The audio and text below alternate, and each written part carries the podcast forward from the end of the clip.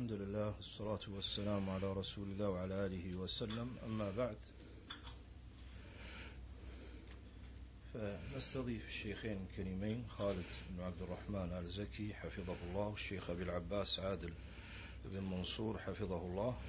لنعرض عليهم يعني بعض شبه الخوارج أهل التكفير حتى يحصل إن شاء الله الجواب عليها فيكون في الجواب عليها سلاحا بيد صاحب السنة وإقامة للحجة وهداية للمسترشد وإبكاتا للمعاند. فنشرع في السؤال الأول فطبعا من المعلوم أن هناك آيات كما ذكر النبي صلى الله عليه وسلم وحذر يحملها الخوارج وينزلونها على غير منازلها. هكذا أخبر النبي صلى الله عليه وسلم. فمن هذه الآيات التي يتستر بها الخوارج ويزعمون أنهم ناصحين للأمة. الآية المعروفة وهي قول ربنا تبارك وتعالى ومن لم يحكم بما أنزل الله فأولئك هم الكافرون. فيجرون هذه الآية بحسب فهمهم المعوج في تكفير المسلمين أئمة ومحكومين. فنحب يعني من المشايخ أن يبينوا وجه خطأ الخوارج وانحرافهم في استعمال هذه الآية في غير ما أنزلها الله تبارك وتعالى. تفضلوا.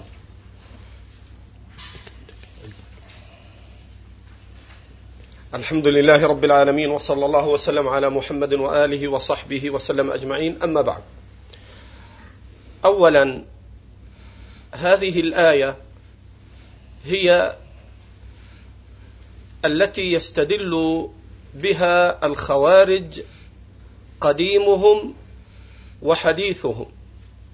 فإن ظهور الاستدلال بهذه الآية هو من قديم حتى في زمن الصحابة رضي الله عنهم وفي زمن التابعين ظهر استدلال الخوارج بهذه الآية ألا وهي قوله تبارك وتعالى ومن لم يحكم بما أنزل الله فأولئك هم الكافرون.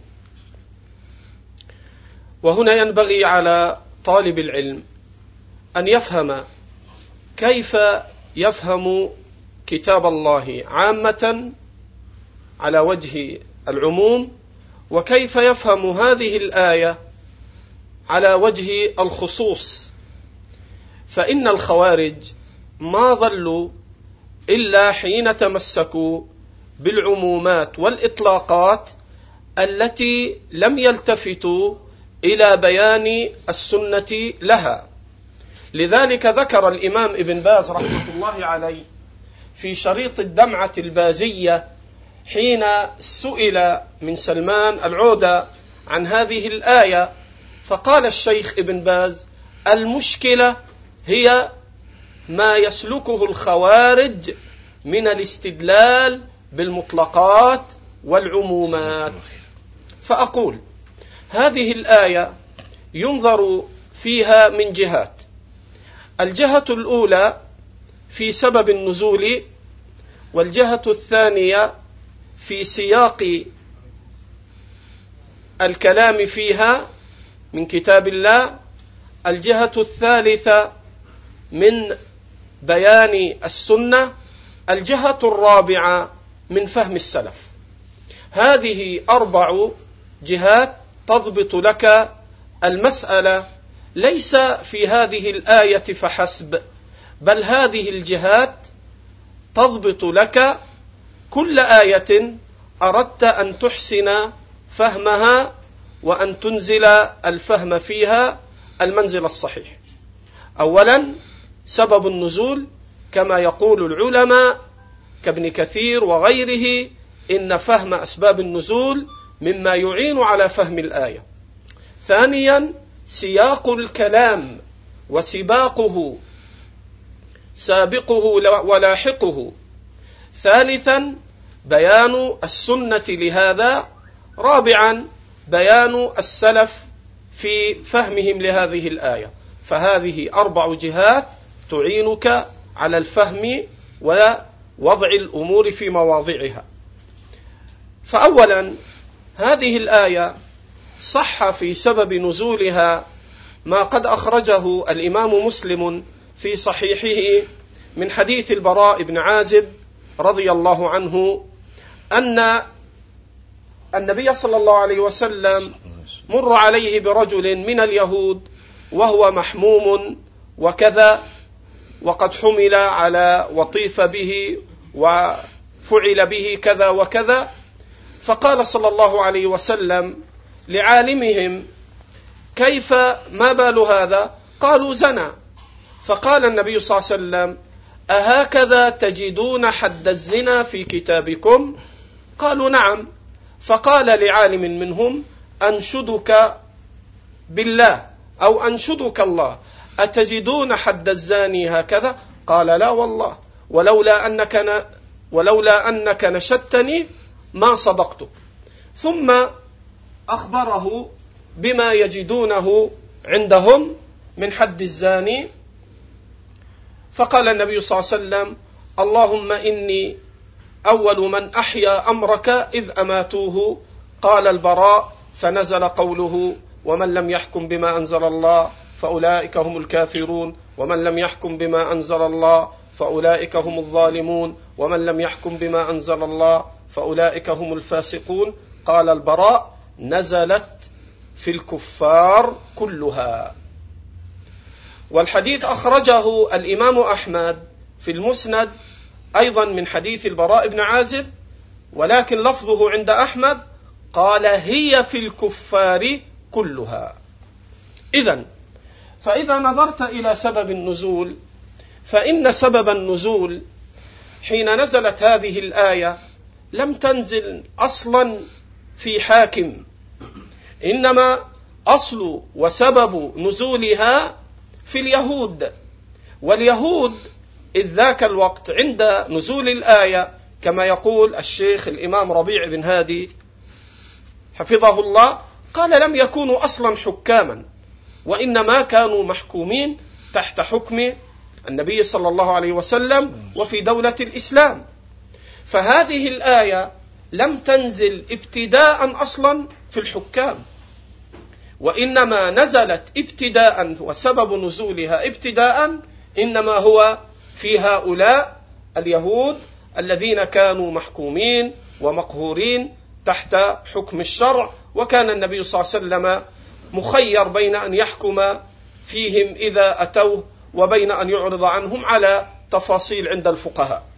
المقصود فإذا نظرت في القصة التي حصلت في سبب النزول حين أنهم غيروا حكم الله في حد الزاني فسألهم أهكذا تجدون حد الزاني في كتابكم؟ قالوا نعم.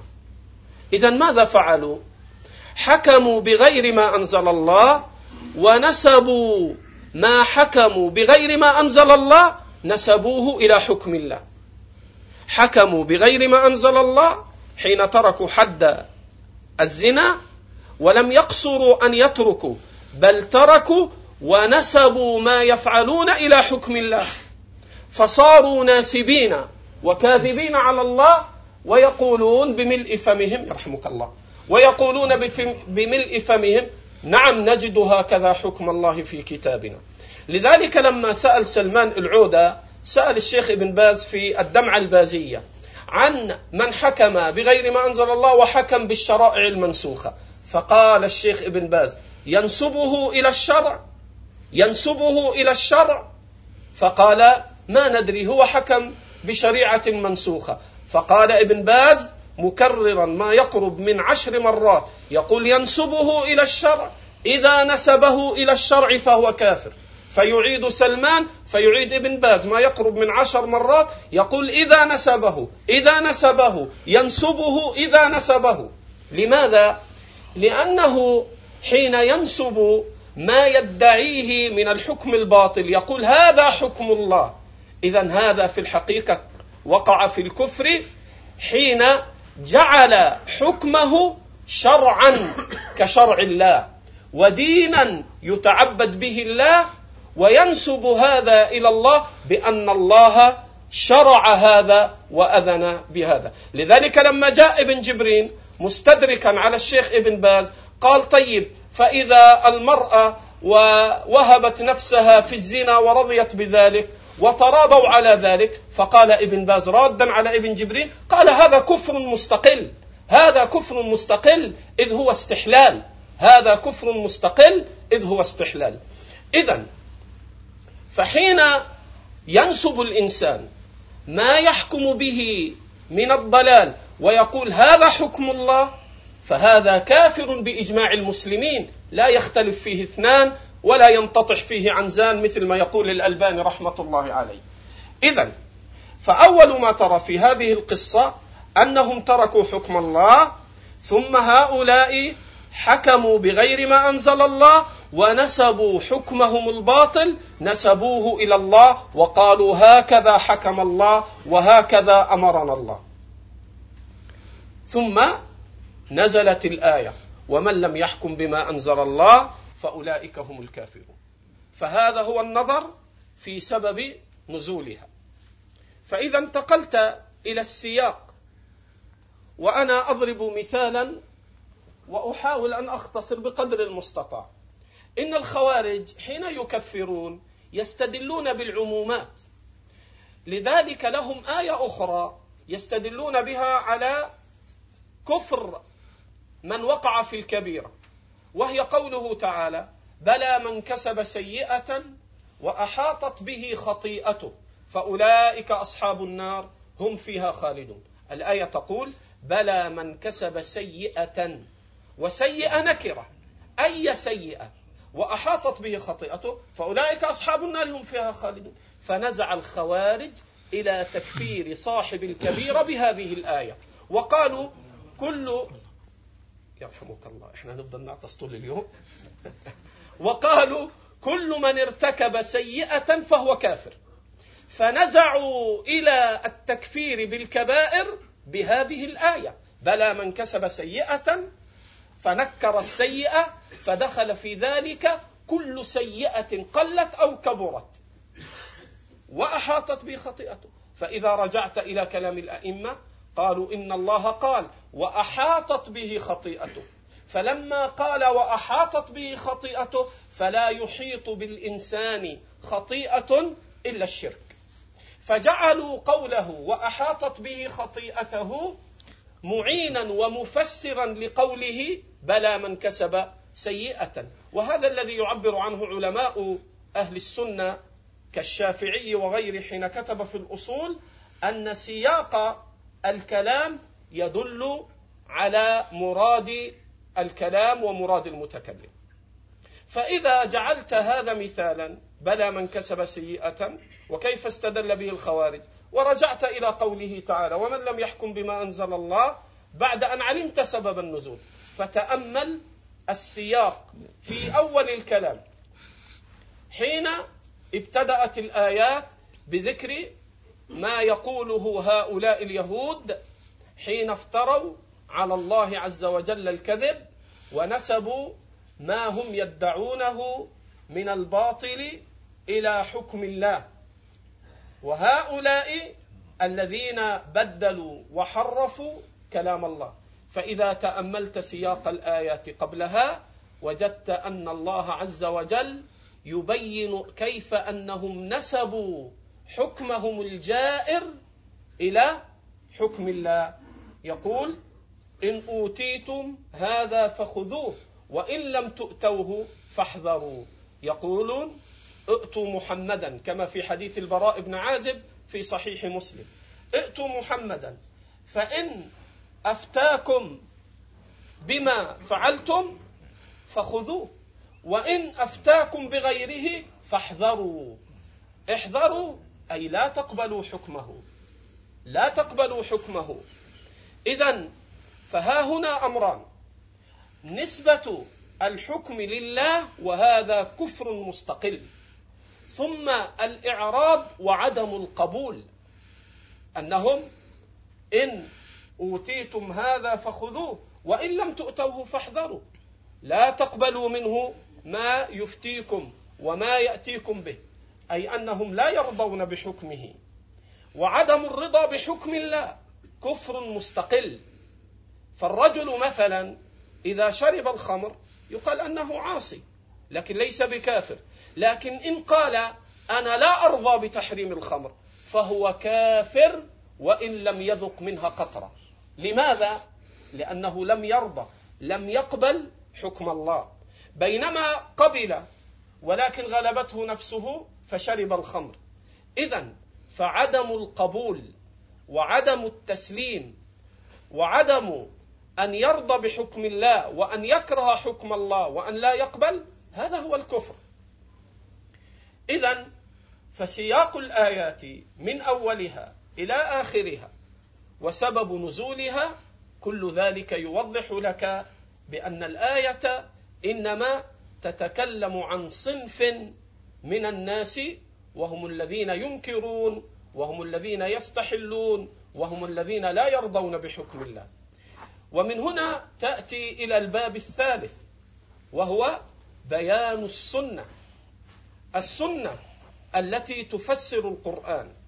حين يقول النبي عليه الصلاة والسلام فيما أخرجه ابن ماجه والحاكم وله طرق وحسنه أو صححه الألباني من حديث ابن عمر أن النبي صلى الله عليه وسلم قال وما لم تحكم أئمتهم بكتاب الله ويتخيروا مما أنزل الله إلا جعل الله بأسهم بينهم. وما هنا وجه الشاهد؟ النبي يقول إذا ترك ولاة أمر المسلمين الحكم بكتاب الله سلط عليهم البلاء سلط على المسلمين البلاء. وتأمل كيف يعبر عن لفظه عليه الصلاة والسلام. حين يقول وما لم تحكم ائمتهم بكتاب الله. فنسب الأئمة إلى المسلمين. ولو كانوا بتركهم حكم الله وكتاب الله كفارا لما صح أن يقال بأنهم أئمة للمسلمين. لذلك هؤلاء الذين يكفرون ولاة الأمر إذا حكموا بغير ما أنزل الله يقولون هم ليسوا بأئمة لنا. هم ليسوا بأئمة للمسلمين. ويأنفون ويعتقدون أنه لا يصح أن يقال بأنهم أئمتنا وأن ينسبوا إلينا بل يعتقدون كفرهم. وهذا النبي صلى الله عليه وسلم يرد على هؤلاء الخوارج بقوله وما لم تحكم أئمتهم فهم أئمة للمسلمين مع وصفهم بأنهم تركوا حكم كتاب الله عز وجل واستحق من فعل ذلك من ولاة الأمر ومن الرعية بتقصيرهم وظلمهم استحق من فعل ذلك أن يقع الشر وأن يقع البلاء وأن يقع الفتنة في حياتهم حين يعرض عن كتاب الله وعن إقامة أحكام الله عز وجل. لذلك النبي صلى الله عليه وسلم يقول وما لم تحكم أئمتهم بكتاب الله ويتخير مما أنزل الله إلا جعل الله بأسهم بينهم أو كما قال عليه الصلاة والسلام. وأيضا إذا ما جئت إلى الأحاديث المتواترة في الصحيحين من قوله عليه الصلاة والسلام يمنعونكم حقوقكم ويسألونكم حقهم. قالوا ما تأمرون قال أدوا إليهم حقوقهم واسألوا الله الحق الذي لكم. إذا هنا أمران أنهم منعوا الرعية حقوق الشرع التي أوجبها الله على ولاة الأمر أن يدفعوها للرعية وأن يقيموها. فمنعوا المسلمين حقوقهم. فحين يمنعون المسلمين حقوقهم أحكموا بما أنزل الله أو تركوا الحكم بما أنزل الله حين لم يؤدوا الحقوق للمسلمين التي فرضها الله عليهم. فبعد ذلك قالوا ما تأمرنا يا رسول الله؟ قال أدوا إليهم حقوقهم. واسألوا الله الحق الذي لكم. فلم يجعل تركهم للحقوق موجبا أن تسقط ولايتهم أن تسقط ولايتهم بل أبقى ولايتهم وإن حكموا بغير ما أنزل الله وإن تركوا حقوق الرعية وأمرنا أن نؤدي إليهم الحقوق. إلى غير ذلك من الأحاديث الكثيرة المستفيضة. من هنا ترجع إلى الباب الرابع الذي يضبط لك المسألة. فهم السلف وما جاء عن الأئمة في قوله تعالى ومن لم يحكم بما أنزل الله. فكان من أول من تكلم في تفسير ذلك على وجه التفسير المبين الواضح من الصحابة رضي الله عنهم كان من أوائل من تصدى لبيان ذلك بالتوضيح عند مقتضي البيان ابن عباس. فقد أخرج الثوري وغيره وسعيد بن منصور وأئمة كثر بأسانيد صحيحة ثابتة من طريق طاووس عن ابن عباس ومن غير ومن غير طريق طاووس أن ابن عباس رضي الله عنه قال في قوله تعالى ومن لم يحكم بما أنزل الله فأولئك هم الكافرون. قال ليس بالكفر الذي تذهبون إليه. وقال كفر دون كفر. وقال كفر لا ينقل عن الملة. اذا فابن عباس حين قال هذا وعلق على ذلك شيخ الإسلام ابن تيمية أن الأمة تلقت بالقبول قول ابن عباس. لذلك في مسائل الإمام أحمد لابن هانئ ومسائل الإمام أحمد لأبي داود تلميذه السجستاني أنهم سألوا أبا عبد الله الإمام أحمد عن قوله تعالى ومن لم يحكم بما أنزل الله فأولئك هم الكافرون فقال الإمام أحمد هو كما قال ابن عباس كفر دون كفر إذا الأمة اتفقت على قبول قول ابن عباس رضي الله عنهما وهذا يدلك على أنهم لم يفهموا من قوله ومن لم يحكم دلالة العموم التي ظنها الخوارج. أتدري إذا أطلق القول بالعموم بهذه الآية إلى ماذا سيصل هؤلاء الخوارج الذين الآن يقتصر كثير منهم على تكفير الحاكم؟ يقولون نحن لا نكفر الزاني لا نكفر شارب الخمر لا نكفر كذا وإنما فقط نكفر الحاكم. أترى لو أن الآية صيغت على صياغة العموم بمقتضى اللغة العربية بعيدا عن فهم السلف وبعيدا عن سياق الكلام وبعيدا عن تفسير الصحابة إلى ماذا تصل؟ تعالى نحتكم إلى لغة العرب وابعد عن ما يفهمك الدلاله من الكتاب والسنة ومن الآثار. ومن؟ اسم موصول دلالته عند أهل اللغة العموم. فقولك ومن؟ بمنزلة قولك من عمل صالحا من ذكر أو أنثى وهو مؤمن. فمن؟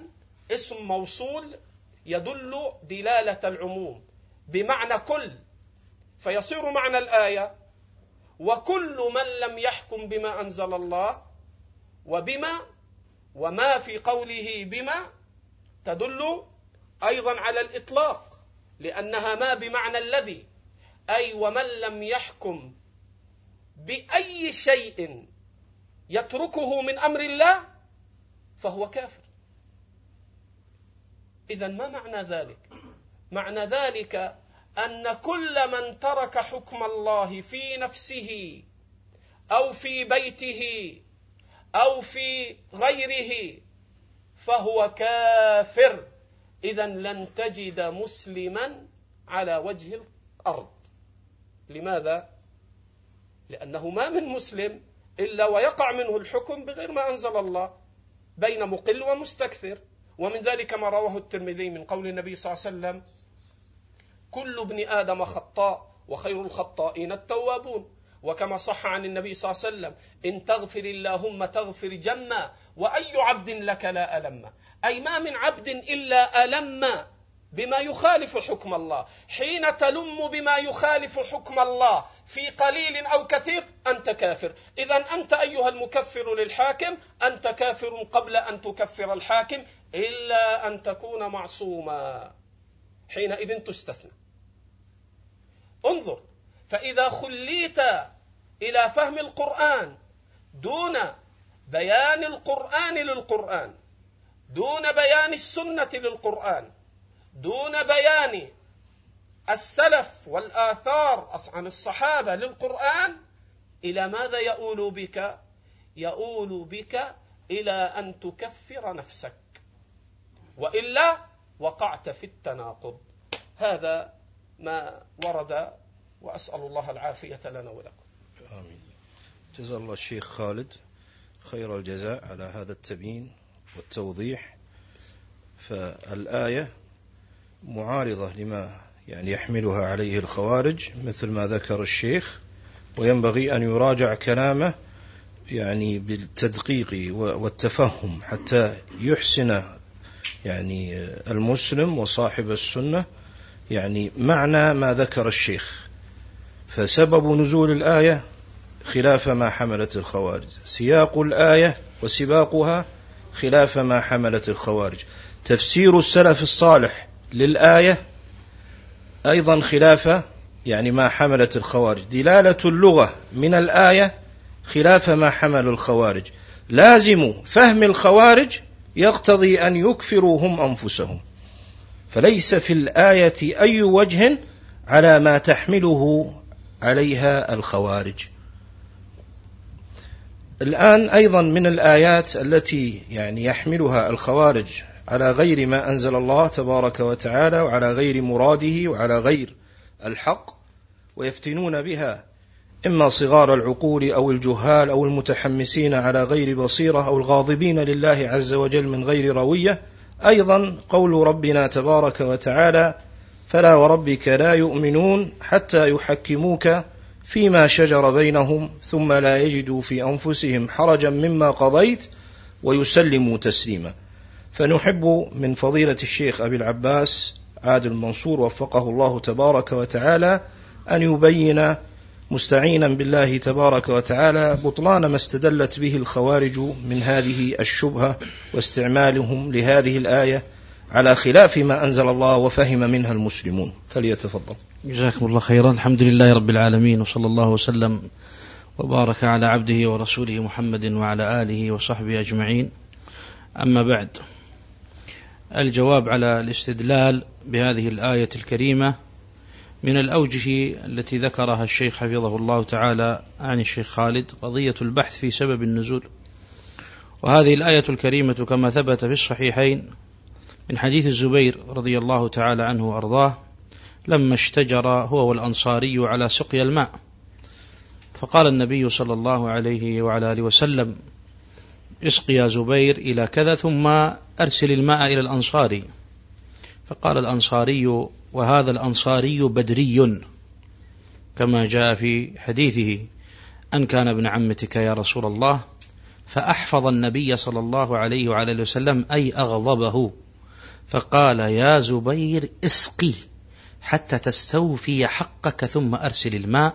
قال الزبير رضي الله تعالى عنه وفينا نزلت فلا وربك لا يؤمنون حتى يحكموك فيما شجر بينهم. هل من قائل يقول إن الزبير قد أتى الكفر الأكبر أو إن الأنصاري البدري قد أتى الكفر الأكبر؟ وقد قال فيهم النبي صلى الله عليه وسلم إن الله اطلع على أهل بدر فقال يا أهل بدر اعملوا ما شئتم فقد غفرت لكم. الوجه الثاني من الجواب هو أصل أهل السنة في هذه النصوص. وهذا ما خالفت فيه الخوارج والمعتزلة قديما وحديثا. أصل أهل السنة في النصوص الواردة بنفي الإيمان فلا وربك لا يؤمنون. كل نص في القرآن أو في السنة ورد في نفي الإيمان فبابه عند أهل السنة واحد وهو يدل على أمرين. الأمر الأول على وجوب ذلك الشيء الذي نفي من أجل انتفائه الإيمان. فإن الإيمان لا ينفى عن صاحبه إلا إذا ترك واجبا من واجباته أو ارتكب محرما فيه. فهناك ينفى الإيمان. فقوله جل وعز فلا وربك لا يؤمنون كقوله عز وجل لا تجد قوما يؤمنون بالله واليوم الآخر يوادون كقوله عز وجل ولو كانوا يؤمنون بالله والنبي ما اتخذوهم أولياء ثم في السنة يا كثر الأحاديث في هذا الباب. ومن أبلغها في قول النبي صلى الله عليه وسلم مقسما ومكررا والله لا يؤمن. هذا قسم. والله لا يؤمن. هذا قسم ثاني مكرر. والله لا يؤمن. هذا قسم ثالث حتى بعث تكراره مع قسمه الصحابة أن سألوا من هو يا رسول الله؟ قال الذي لا يأمن جاره بوائقه. فهل يكفر مؤذي الجار؟ وقد نفى عنه النبي صلى الله عليه وسلم الإيمان مقسما ثلاث مرار والإيمان منفي في الآية مرة واحدة بالقسم. ولكن في حديث الجار القسم مع التكرار ومع ذلك لا يكفر مؤذي جاره إلا الخوارج. فالنصوص ومنها قول النبي صلى الله عليه وعلى آله وسلم لا إيمان لمن لا أمانة له ولا دين لمن لا عهد له. قول النبي صلى الله عليه وسلم المسلم من سلم المسلمون من لسانه ويده والمؤمن من أمنه الناس على دمائهم وأموالهم فهل من أخفر من خان الناس في دمائهم وأموالهم قد كفر الكفر الأكبر؟ هذا لا بإجماع أهل السنة والسلف الصالح رضوان الله عليهم. الوجه الثاني اضبطوه جيدا أن نفي الإيمان في النصوص الشرعية يدل على وجوب ذلك الشيء. ويدل على أن مرتكبه من أهل الوعيد الذين لا يدخلون الجنة من أهل وهلة من أول وهلة ولكن هم تحت مشيئة الله إن شاء عذبهم وإن شاء عفى عنهم وإن عذبهم لم يخلدهم في النار. فاذا هذه الآية عند أهل السنة من نصوص الوعيد. قد ذكر ذلك شيخ الإسلام في المجموع الفتاوي في مواطن في المجلد السابع في المجلد العشرين في المجلد الحادي والعشرين ذكر رحمه الله وخصوصا في المجلد السابع الذي هو كتاب الإيمان ذكر رحمه الله على أن من خالف هذه الآية فهو من أهل الوعيد الذين لم يأتوا بالإيمان الواجب الذي يدخل أصحابه الجنة من غير حساب ولا عذاب. هذا لفظه. فهذا فهم أئمة السنة. الوجه الثالث أن شيخ الإسلام رحمه الله تبارك وتعالى قد ذكر في منهاج السنة في مجلدته الخامس في المجلد الخامس في صفحة تقريبا 100 وبضع ثلاثين 132 أو 131 قال رحمه الله تعالى واحتجت الخوارج بهذه الآية على كفر الولاة الذين يحكمون بغير ما أنزل الله. إذا الاحتجاج بها بنقل هذا الإمام العالم الثقة الكبير الذي هو من أعرف علماء الأمة بالإجماع والخلاف والمذاهب والأقوال أن الخوارج احتجت بهذه الآية على تكفير الولاة الأمر الحاكمين بغير ما أنزل الله، لماذا؟ لأنهم فهموا من نفي الإيمان في قوله فلا وربك لا يؤمنون ها أي يكفرون. وهذا فهم الخوارج للنصوص. التي ورد فيها نفي الإيمان.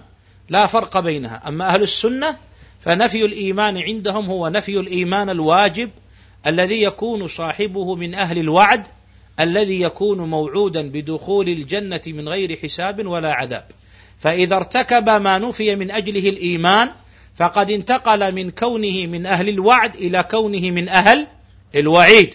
وانتقل من كونه من أصحاب الإيمان المطلق الواجب إلى الإيمان إلى مطلق الإيمان إلى الإيمان الناقص.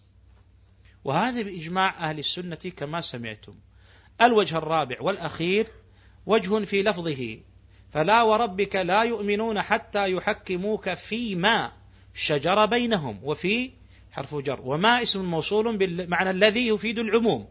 فلو قلنا إن الآية تقتضي التكفير كما فهمه الخوارج وإن خصوه الآن بالحاكم فقط لهدف سياسي حتى يتسنى لهم تجيش عوام المسلمين ليقفوا في صفهم ضد من أرادوا إزاحته. فإن تكفيرهم للحكام غير منضبط بالضوابط الشرع بل حتى لا ينضبطون في بدعتهم فيه. بدعتهم في تكفير الحكام لا ينضبطون فيها. لا ينضبطون فيها ولا يثبتون عليها ثبوت الخوارج الأوائل. لأن الخوارج المعاصرين ضموا إلى كونهم خوارج ضموا العمل السياسي الحركي الذي يتلون بتلون المصالح والأحداث والأجواء واختلاف القوى والموازين الدولية والإقليمية. هذا ما كان عند الخوارج الأولين. الخوارج الأولين دفشين حق ديانة هب هب لحاله. يخرج الحرم لحاله كما في حديث يزيد الفقير عن جابر في صحيح مسلم قال فرجعنا كلنا إلا واحد خرج على الحجاج بسيفه. واحد لحاله.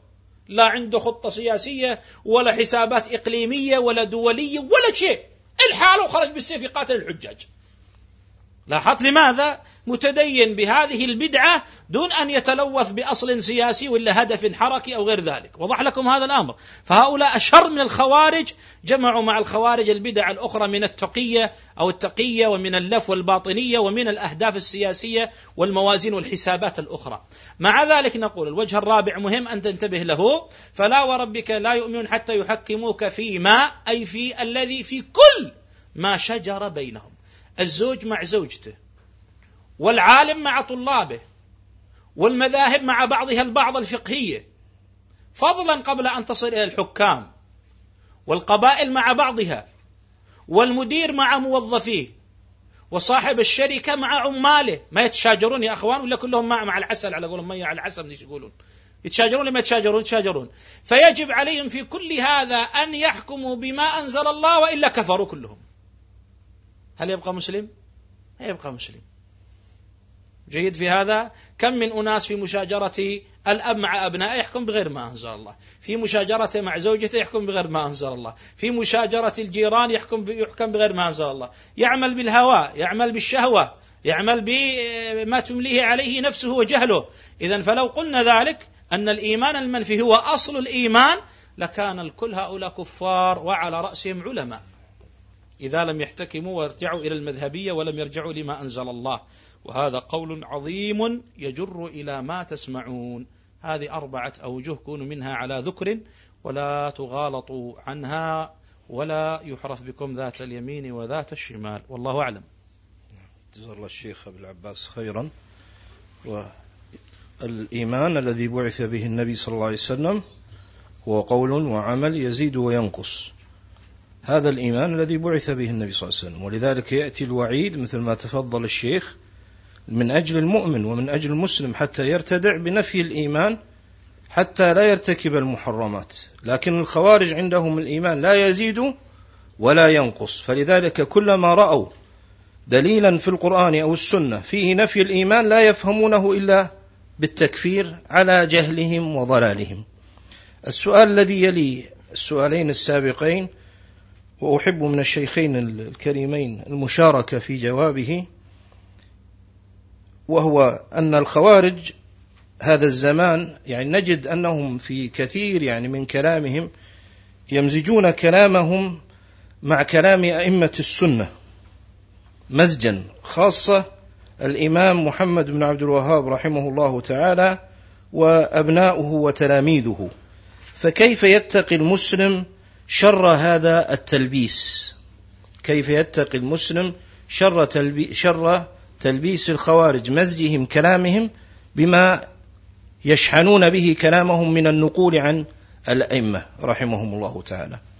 تفضلوا.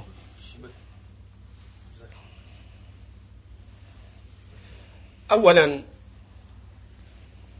إذا صح اعتقاد السنة في باب أيا كان هذا الباب؟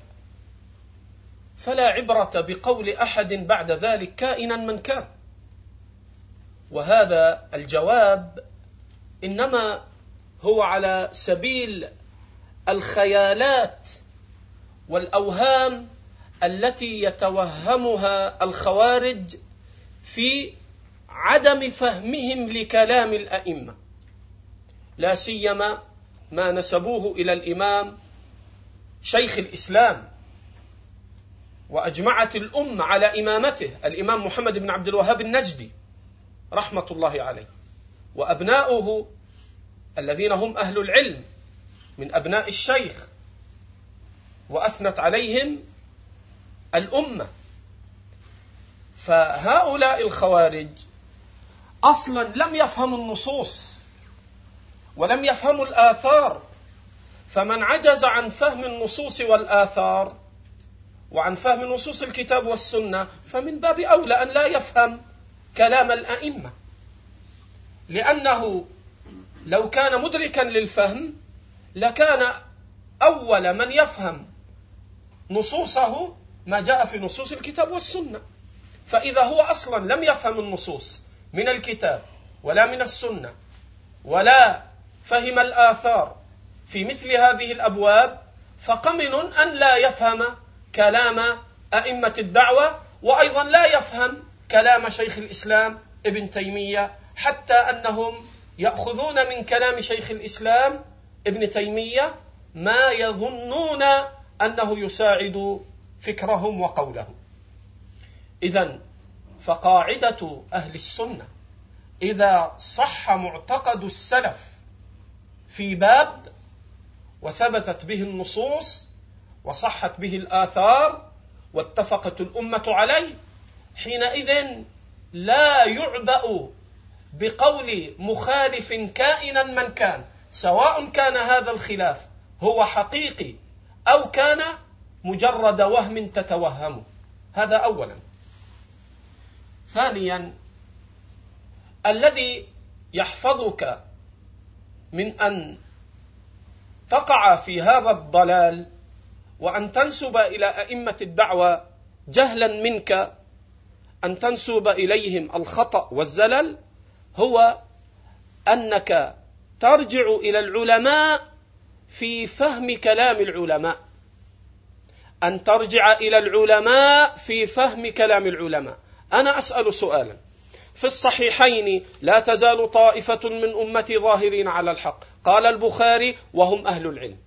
ما احتياج الأمة أن يوجد في كل زمان طائفة من أهل العلم.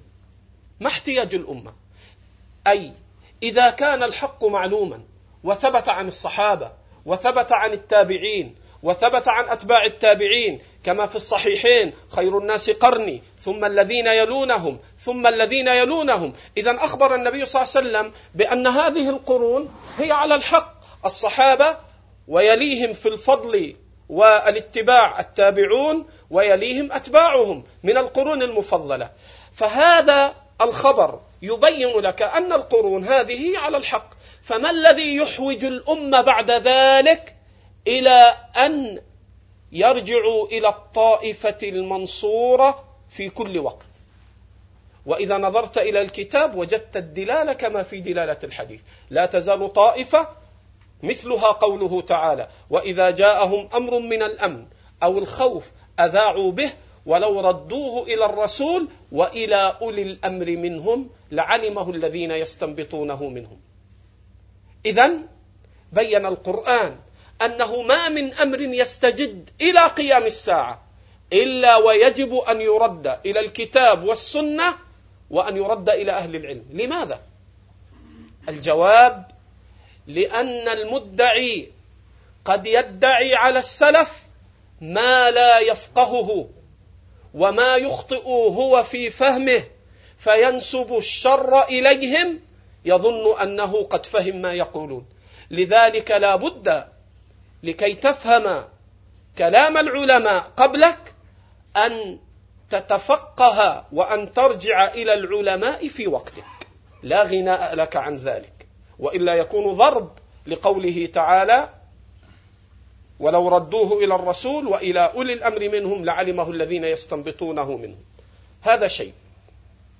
الشيء الآخر أنك إن عايشت كتب أئمة الدعوة الشيخ محمد وأبناء وأبناؤه وطلابه واستقرأت ما في كتبهم على الإنصاف وعلى صدق الطلب فحتما تجد باب السنة واحدا عند المتقدم وعند المتأخر. وأنا سأعطيك برهانا. اعمد إلى الدرر السنية. واكتب مثلا هذه الآية. ومن لم يحكم بما أنزل الله فأولئك هم الكافرون. وانظر ماذا قال أئمة الدعوة ابتداء من الشيخ محمد إلى أبنائه عبد الله وفلان إلى طلابه كعبد اللطيف ابن عبد الرحمن ابن حسن إلى إلى إلى إلى أن تنزل. تجد في كتب علمائنا أئمة الدعوة ومن لم يحكم بما أنزل الله القول فيها هو قول ابن عباس كفر دون كفر.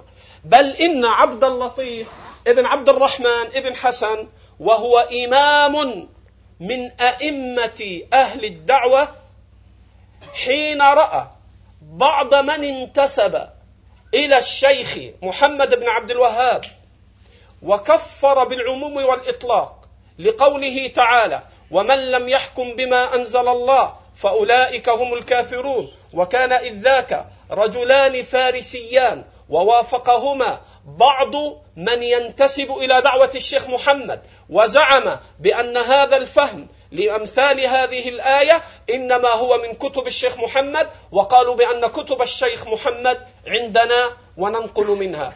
قال الإمام عبد اللطيف ابن عبد الرحمن ابن حسن قال رحمه الله فبينت لهم ضلالهم وأن الشيخ بريء من هذا وأن الكفر عند الشيخ وعند أهل السنة هو كفر دون كفر وأن قوله تعالى ومن لم يحكم بما أنزل الله فأولئك هم الكافرون أن الله أطلق الكفر على كل من لم يحكم بما أنزل الله وأن ذلك يتفاوت بين من أنكر وبين من استحل وبين من قصر وغلبته نفسه وشهوته وأن الأمر كما قال ابن عباس وأجمعت عليه الأمة كفر دون كفر وظلم دون ظلم وفسق دون فسق وبينت لهم أنهم منحرفون عن دعوة الشيخ محمد.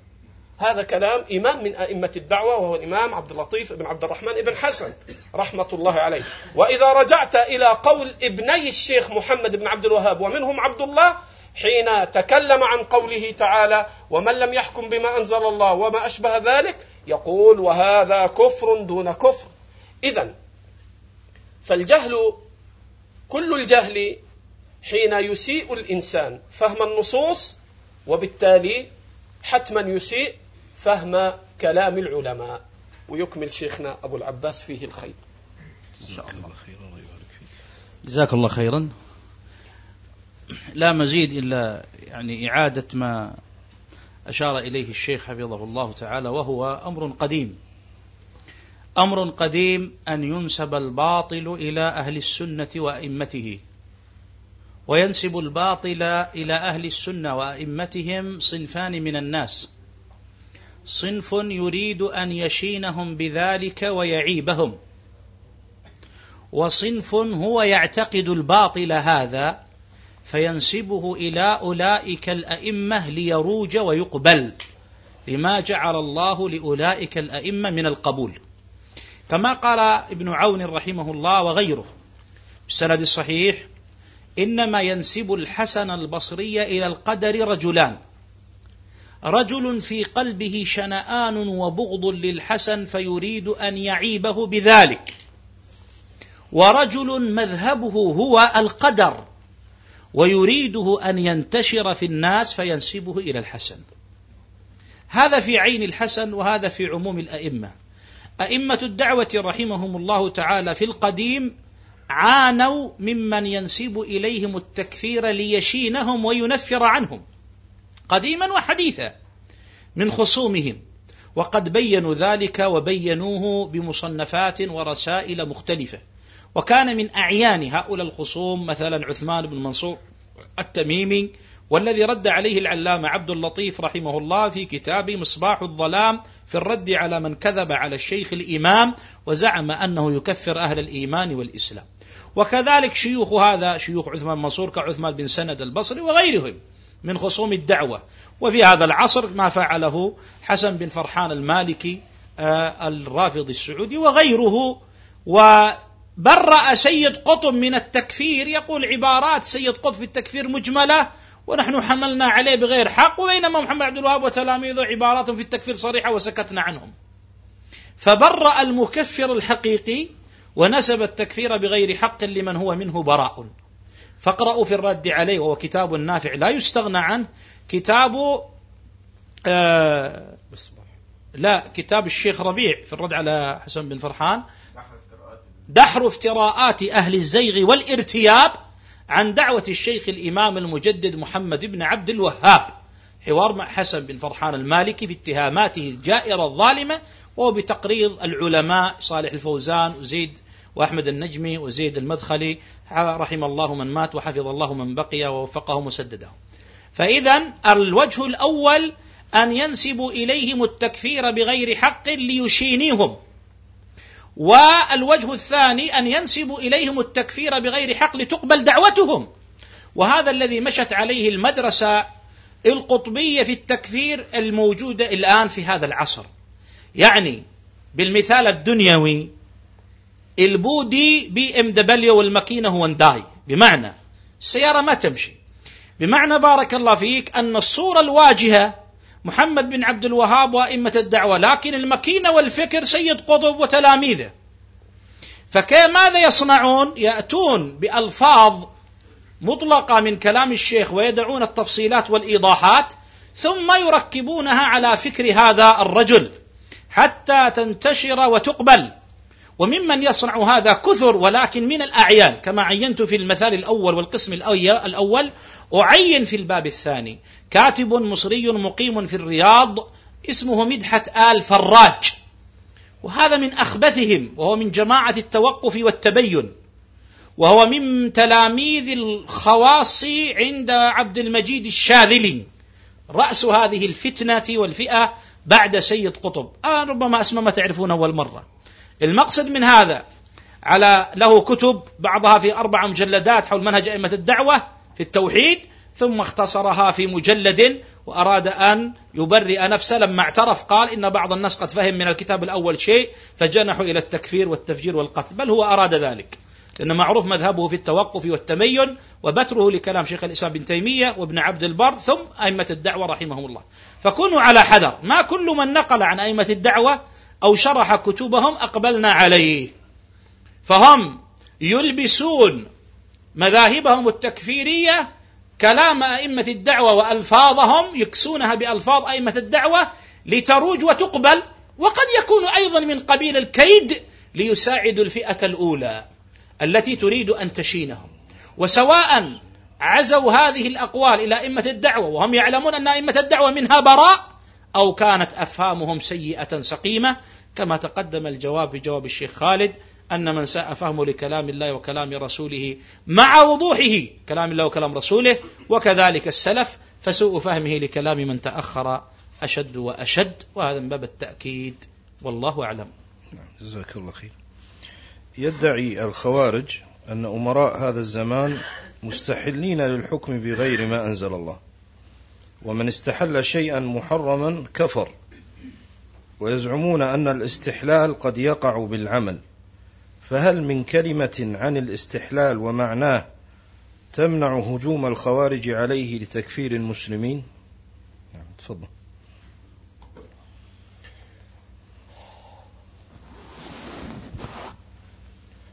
اولا ما معنى الاستحلال عند أهل السنة حين يقولون ولا نكفر مسلما بذنب ما لم يستحله؟ الذنب له حالتان. ذنب كسائر الذنوب من صغيرة أو كبيرة. مع اعتقاد الفاعل أنه قد فعل محرما كحال المسلم الذي يزني والذي يشرب الخمر والذي يقتل والذي يرتشي والذي يسرق هذا مذنب عاصي ليس بكافر. لأنك إن سألته هل ترى أن الخمر حلال؟ هل ترى أن الزنا هل هل هل؟ يقول له هذا حرام. بدليل أنه لو ذكر بعض هؤلاء فإنه يتوب. اذا هذا ذنب ليس فيه دعوى الاستحلال أي أن المذنب لا يعتقد أن ما وقع فيه من الذنب مما حرم الله بأنه حلال. فهذا معنى قول أهل السنة ولا نكفر مسلما بذنب ما لم يستحله. أي إذا استحله كفر سواء وقع في الذنب أو لم يقع. فلو أن رجلا لم يشرب الخمر يوما من دهره قط. ولكنه يقول إن الخمر حلال. هذا استحل فهو كافر.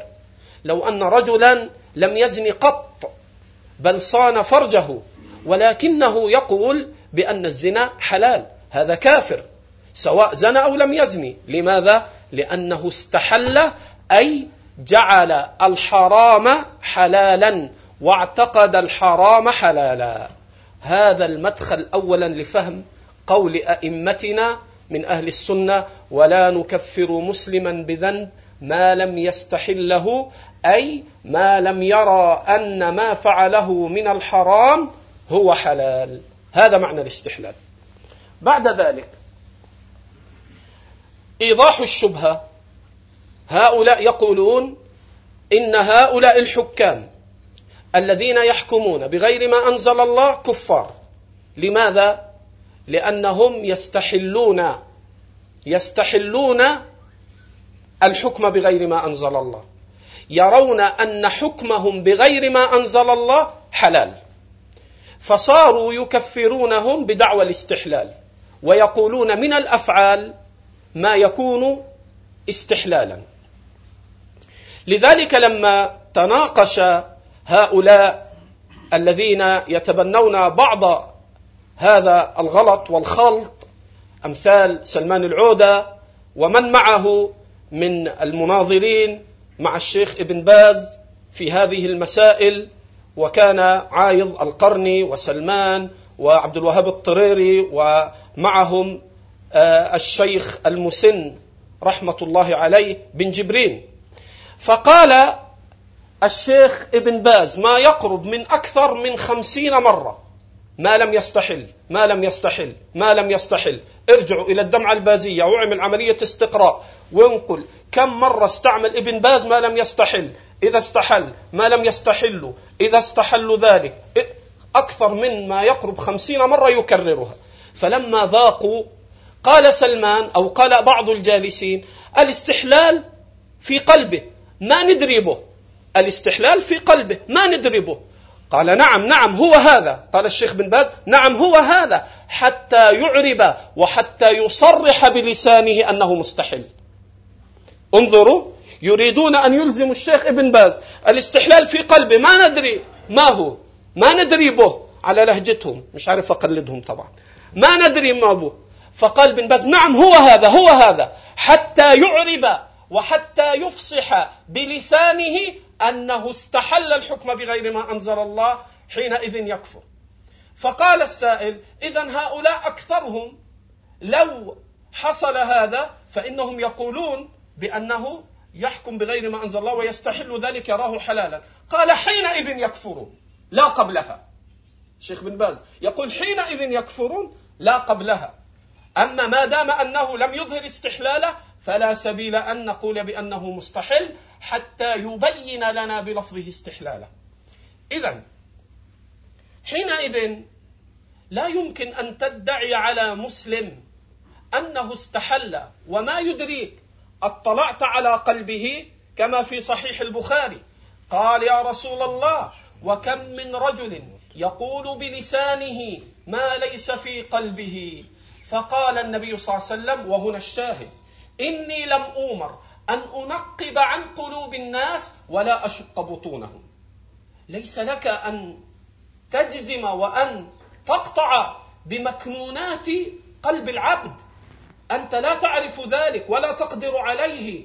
بل هذا تعد على علم الله عز وجل. فإن الغيب لا يعلمه إلا الله. وماذا فعل النبي مع أسامة رضي الله عنه؟ حين قال فتبعنا رجلا كما في الصحيح أنا والمقداد رجلا من المشركين. فلما علوناه بالسيف قال أسلمت لله. قال فكف الانصاري قال فقتلته. فقال له النبي صلى الله عليه وسلم أقتلته بعد أن قال كذا وكذا؟ قلت يا رسول الله إنما قالها متعوذة. من أين علم أسامة هذا؟ أخبروني. ما الذي حمل أسامة على أن يظن أن الرجل غير صادق؟ وإنما تعوذ. أليست القرينة الظاهرة؟ لو أراد الرجل هذا أن يسلم لكان أسلم قبل أن يرفع عليه السيف. لكنه لم يسلم ولم يصدع إلا لما رأى السيف على رأسه ليقتل. فجعل أسامة هذه قرينة على ماذا؟ على كفره, على كفره. وأنه ما أظهر الإسلام رضا وإنما أظهر الإسلام خوفا. مع قرينة أو لا؟ مع حجة ظاهرة أو لا؟ فماذا قال النبي؟ قال فكيف تفعل بلا إله إلا الله إذا جاءت يوم القيامة أو نحو ذلك؟ هل اعتبر القرين أم ألغاها؟ يا جماعة اعتبرها ولا ألغاها؟ ألغاها لم ينظر إليها لأن الأصل الثابت بيقين. لا يجوز أن يزول إلا بيقين. ما هو اليقين؟ أظهر التوحيد. خلص. قضي أمره. اليقين من أظهر التوحيد حاسبناه بما أظهر. وإلا المنافقون. إذا جاءك المنافقون قالوا نشهد أنك لرسول الله والله يعلم. ثم قال اتخذوا أيمانهم جنة. فجعل وقايتهم ثابتة شرعا بماذا؟ بإظهارهم الأيمان والإسلام. مع أنهم قد أكنوا الكفر. فجعل الإظهار موجبا. للحكم بإسلامه ولا تقولوا لمن ألقى إليكم السلام. لست؟ ما لكم. إذا ألقى إليك السلام في صحيح مسلم أو البخاري كان يغير على بلد. فإذا سمع الأذان أمسك ورجع. لماذا؟ قد يحتالون. يقول محمد جاي. تعالوا نأذن. ممكن أم غير؟ ممكن. ممكن. ولكن الأحكام الظاهرة لا يدخلها باب القرائن في هدم إسلام من أظهر إسلامه وحسابه؟ وحسابه على الله. تبقى مسألة. هل هناك من الأفعال ما يدل على الاستحلال؟ أي بمعنى أوضح. هل هناك من الأفعال ما يدل على أن هذا الفاعل استحل الحرام؟ الجواب هذا ما ثبت في مسند الإمام أحمد وصححه الألباني وابن حجر وغيره من حديث البراء بن عازب. قال البراء مر بنا أناس ومعهم راية رسول الله صلى الله عليه وسلم. فقلت من هؤلاء؟ قالوا أرسلهم رسول الله صلى الله عليه وسلم لنقتل فلانا ونخمس ماله. قلت ولما؟ قالوا عرس بامرأة أبيه. فأمرنا أن نقتله وأن نخمس ماله. ما معنى هذا؟ رجل في زمن النبي صلى الله عليه وسلم أقام عقدا وتزوج امرأة أبيه. فبعد أن انتهى أبوه منها إما بموت أو طلاق ماذا فعل الولد؟ تزوج امرأة أبيه. فأرسل النبي صلى الله عليه وسلم جماعة من الصحابة بأن يقتلوه وأن يخمسوا ماله. يقتلوه وأن يخمسوا ماله. إذا يخمسوا ماله أنه ماله صار غنيمة. إذا كفر. قال عبد الله ابن الإمام أحمد. قال يرحمك الله. سألت أبي عن الرجل إذا تزوج محرما له. رجل تزوج أمه أخته. فقال أبي يقتل ويؤخذ ماله. فقلت فإن عرس بمحرم فكيف حديث النبي صلى الله عليه وسلم في الرجل الذي عرس بامرأة أبيه فأمر أن يقتل وأن يخمس ماله. قال أحمد أراه. والله أعلم أنه على الاستحلال. أراه والله أعلم أنه على الاستحلال. أي لماذا كفر؟ لأنه حين عقد على امرأة أبيه عقدا وأقام هذا مما يدل على أنه يراه حلالا. وإلا لو أراد أن يستمتع بها في الحرام لزن بها. فما الذي جعله يعدل عن الزنا إلى العقد؟ إلا أنه مستحل مستحل يرى أنه يحل له أن ينكحها. فقال أحمد يخمس ماله ويقتل على حديث البراء. قال الكوسج إسحاق ابن منصور في مسائل إسحاق مع أحمد وإسحاق ابن راهوي قال سألت أبا عبد الله عن الرجل يعرس أو ينكح محرما يعني يعقد عليها فقال أحمد يقتل ويؤخذ ماله على حديث وذكر حديث البراء من رواية بعض عدي بن كذا عن البراء. قال فقال إسحاق كما قال أحمد. قال أحمد إلا انظر إلى ورع الأئمة في التكفير. إلا إن كان يرى أنه يحل له ذلك أو تأول ذلك قال فيدفع عنه القتل ويجلد. انظر إلى دقة أئمتنا. الأصل أن المسلم إذا عقد على أخته أو على أمه وهو يعيش بيننا أنه مستحل ولا غير مستحل؟ فكفر. لأن فعله لا يحتمل إلا الاستحلال لا يحتمل الذنب. إذ لو أراد الذنب لزنى. فعدوله عن الزنا. إلى العقد دليل على فكفره الإمام أحمد وإسحاق. ثم مع ذلك قال أحمد إن صادف أن هذا الرجل جاهل فلا يكفر. فجعل الفعل دالا على الاستحلال واستثنى حالة واحدة. ما هي؟ أن يكون جاهلا.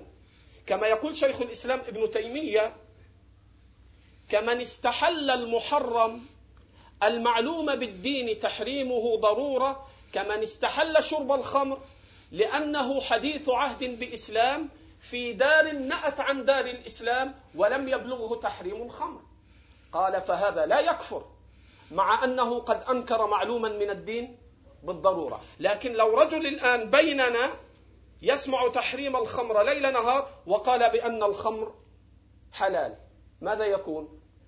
يكفر لأنه استحلها. إذا يقول شيخ الإسلام ابن تيمية ومن الأفعال ما يدل على الاستحلال وهو الذي لا يحتمل إلا الكفر الأكبر ثم ضرب مثالا. كمن قتل نبيا أو رمى مصحفا في القذر لو أن رجلا رفع السيف وأمامه الان فقام هذا المدعي بالسيف وقتل نبيا من الأنبياء وهو يعلم بأنه نبي. فقيل له إنك كفرت. قال لا والله إني لأحبه وأعظمه وأجله لكني أنا أخطأت. هل هذا حق؟ هل يتصور؟ نقول قتلك له لا يحتمل إلا معنى واحدا. كذلك من أخذ مصحفا بيده وقيل له هذا كتاب الله وهو يعلم بأنه مصحف وهو مسلم قبل ذلك ويعلم بأن هذا كتاب الله فأخذه ورماه في الزبالة. ثم قال أنا لم أقصد أن أكفر. أو وضع المصحف تحت قدمه تحت قدمه عياذا بالله وداسه. فقال أنا لم أقصد الكفر. هل هذا يحتمل منه؟ أم أن فعله يدل على كفره؟ إذ أن الفعل نفسه كفر من جهة ودال من جهة على مكنون قلبه. فالفعل كفر ودال. اذا فإذا كان الفعل لا يحتمل إلا وجها واحدا فإن هذا يدل على الاستحلال إذا كان صريحا. وأما إذا كان على غير هذا فلا يجوز لك أن تحمله على الاستحلال ولو كان مدمنا للخمر. ففي صحيح البخاري الصحابي كان يكثر شرب الخمر. فقال النبي اضربوه. قال منا الضارب بيده ومنا الضارب بثوب ومنا الضارب بنعله حتى قال رجل من القوم أخزاه الله ما أكثر ما يؤتى به. انتبه. ما أكثر؟ ما أكثر ما يؤتى به. يعني كم مرة شرب الخمر؟ فاستدل الصحابة بشربه الكثير للخمر على كفره بينما استدلوا على كفر من عرس بامرأة أبيه مرة واحدة على كفره. لماذا؟ لأن ذاك فعله لا يحتمل إلا الاستحلال. أما هذا الذي أكثر من شرب الخمر فليس عندنا دليل على أن فعله لا يحتمل إلا الاستحلال بل الظاهر أن غلبته الشهوة والنفس. لذلك حين يحكم الإنسان بغير ما أنزل الله لرغبة أو لرهبة أو لمتاع أو ما أشبه ذلك بل يصرح بأنه مسلم وأنه يعظم شرع الله وأنه وأنه ولكن حكم بغير ما أنزل الله فأنى لك أن تحكم عليه بمجرد فعله أنه صار مستحلا. إذا هذا مبحث الاستحلال حتى وإن فعل ما يدل على الاستحلال كمن عرس بامرأة أبيه استثنى الإمام أحمد إذا كان جاهلا متأولا. فأين هذا من هؤلاء؟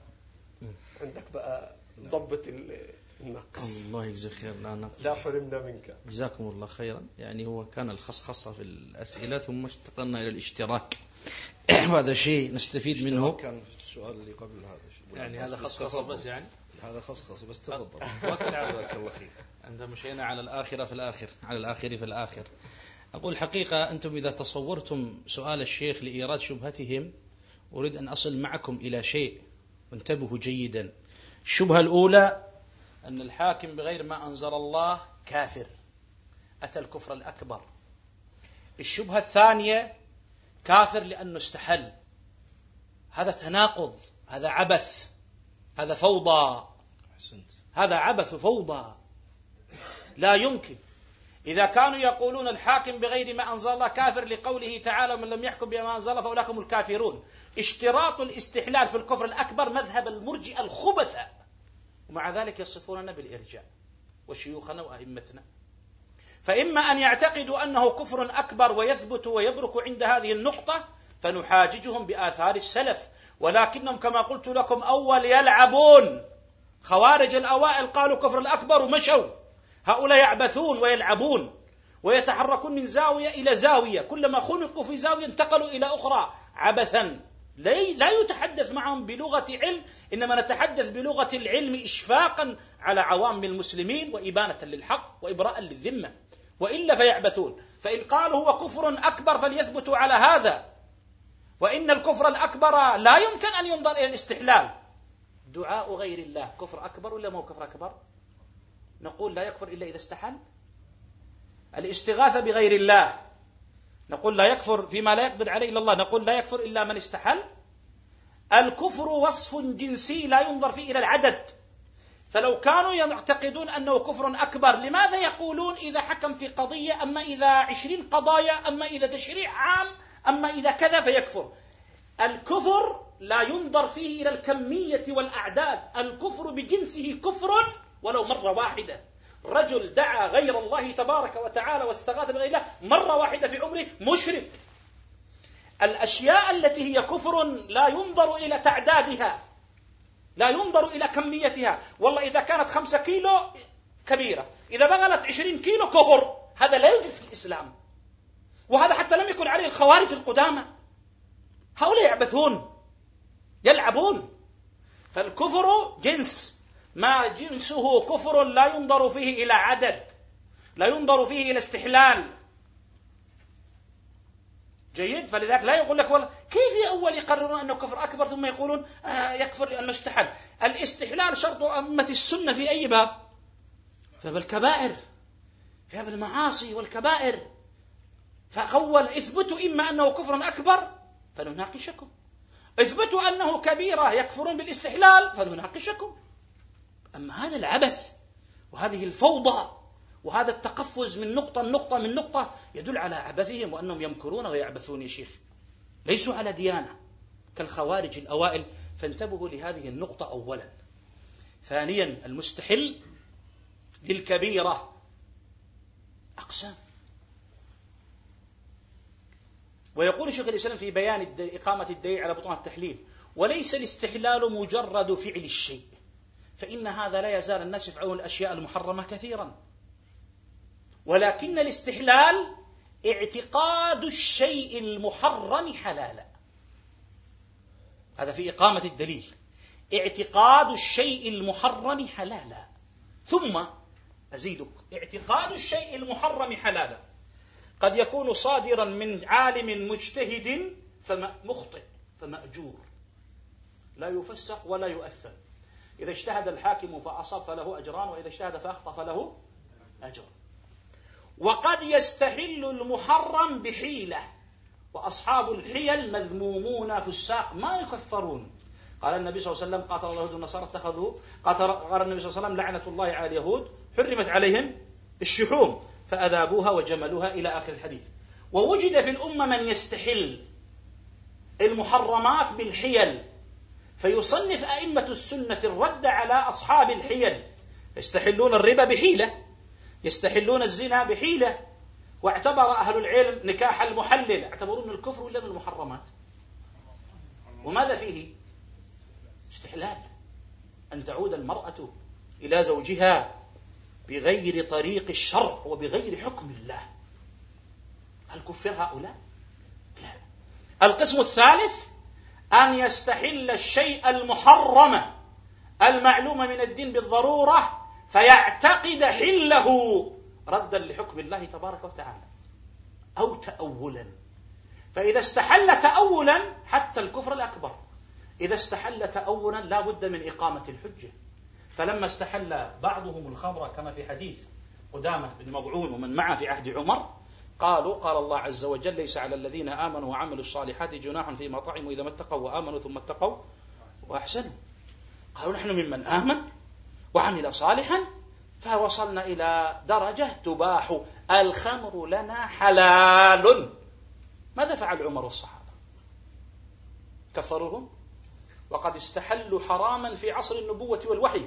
وفي مدينة رسول الله صلى الله عليه وسلم والصحابة متوافرون وموجودون. ما كفرهم مباشرة. قال ائتوني بأشياخ بدر فليبينوا لهم. فإن أقروا بتحريمه جلدوا وإن أصروا على استحلاله كفروا. تأولوا آية ولا ما تأولوا آية؟ تأولوا آية. في استحلال أمر محرم ما هو بالحيلة. أمر صريح محرم صريح.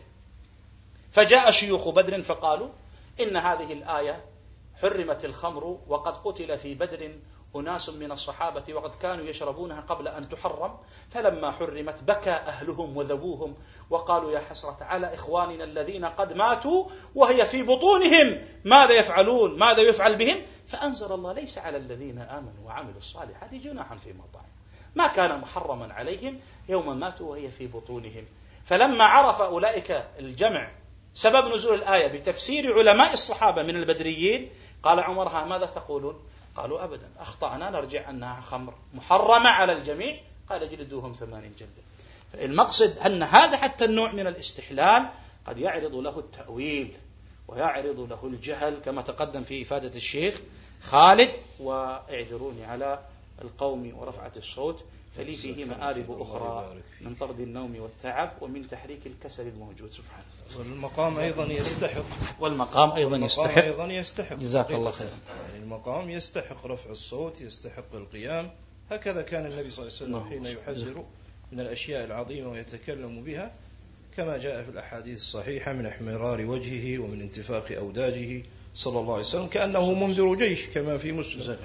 وخلاصة ما ذكر الشيخ أبي العباس وأنا أنصح بأن يؤخذ تسجيل الشريط وأن يتتبعه الطالب متفهما مدققا محاولا أن يحفظ أصل المسائل فإن هذا مما يزيده يقينا في الحق.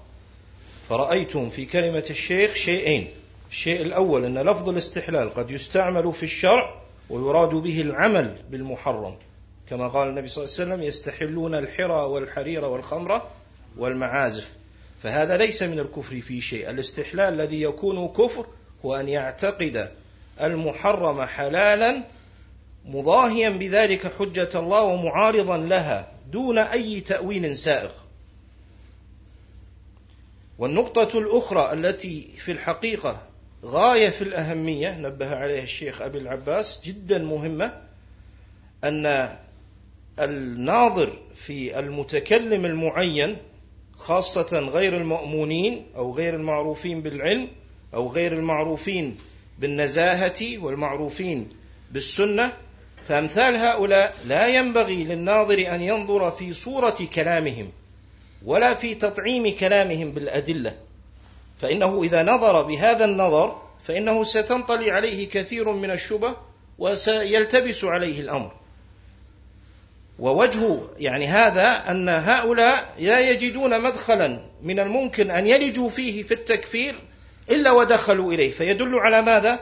يدل على انطباق الوصف الذي وصفهم رسول الله صلى الله عليه وسلم لأن النبي صلى الله عليه وسلم إحنا عندنا الرسول صلى الله عليه وسلم وصف أهل البدع بوصف جامع ويفترض في وصف النبي صلى الله عليه وسلم أن يكون كاشفا فالنبي صلى الله عليه وسلم قال لقد سماهم لكم الله فاحذروهم كما في البخاري من حديث عائشة.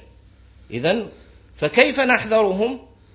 سماهم لكم الله وقول ربنا جل وعلا يتبعون ما تشابه منه ابتغاء الفتنة وابتغاء تأويله.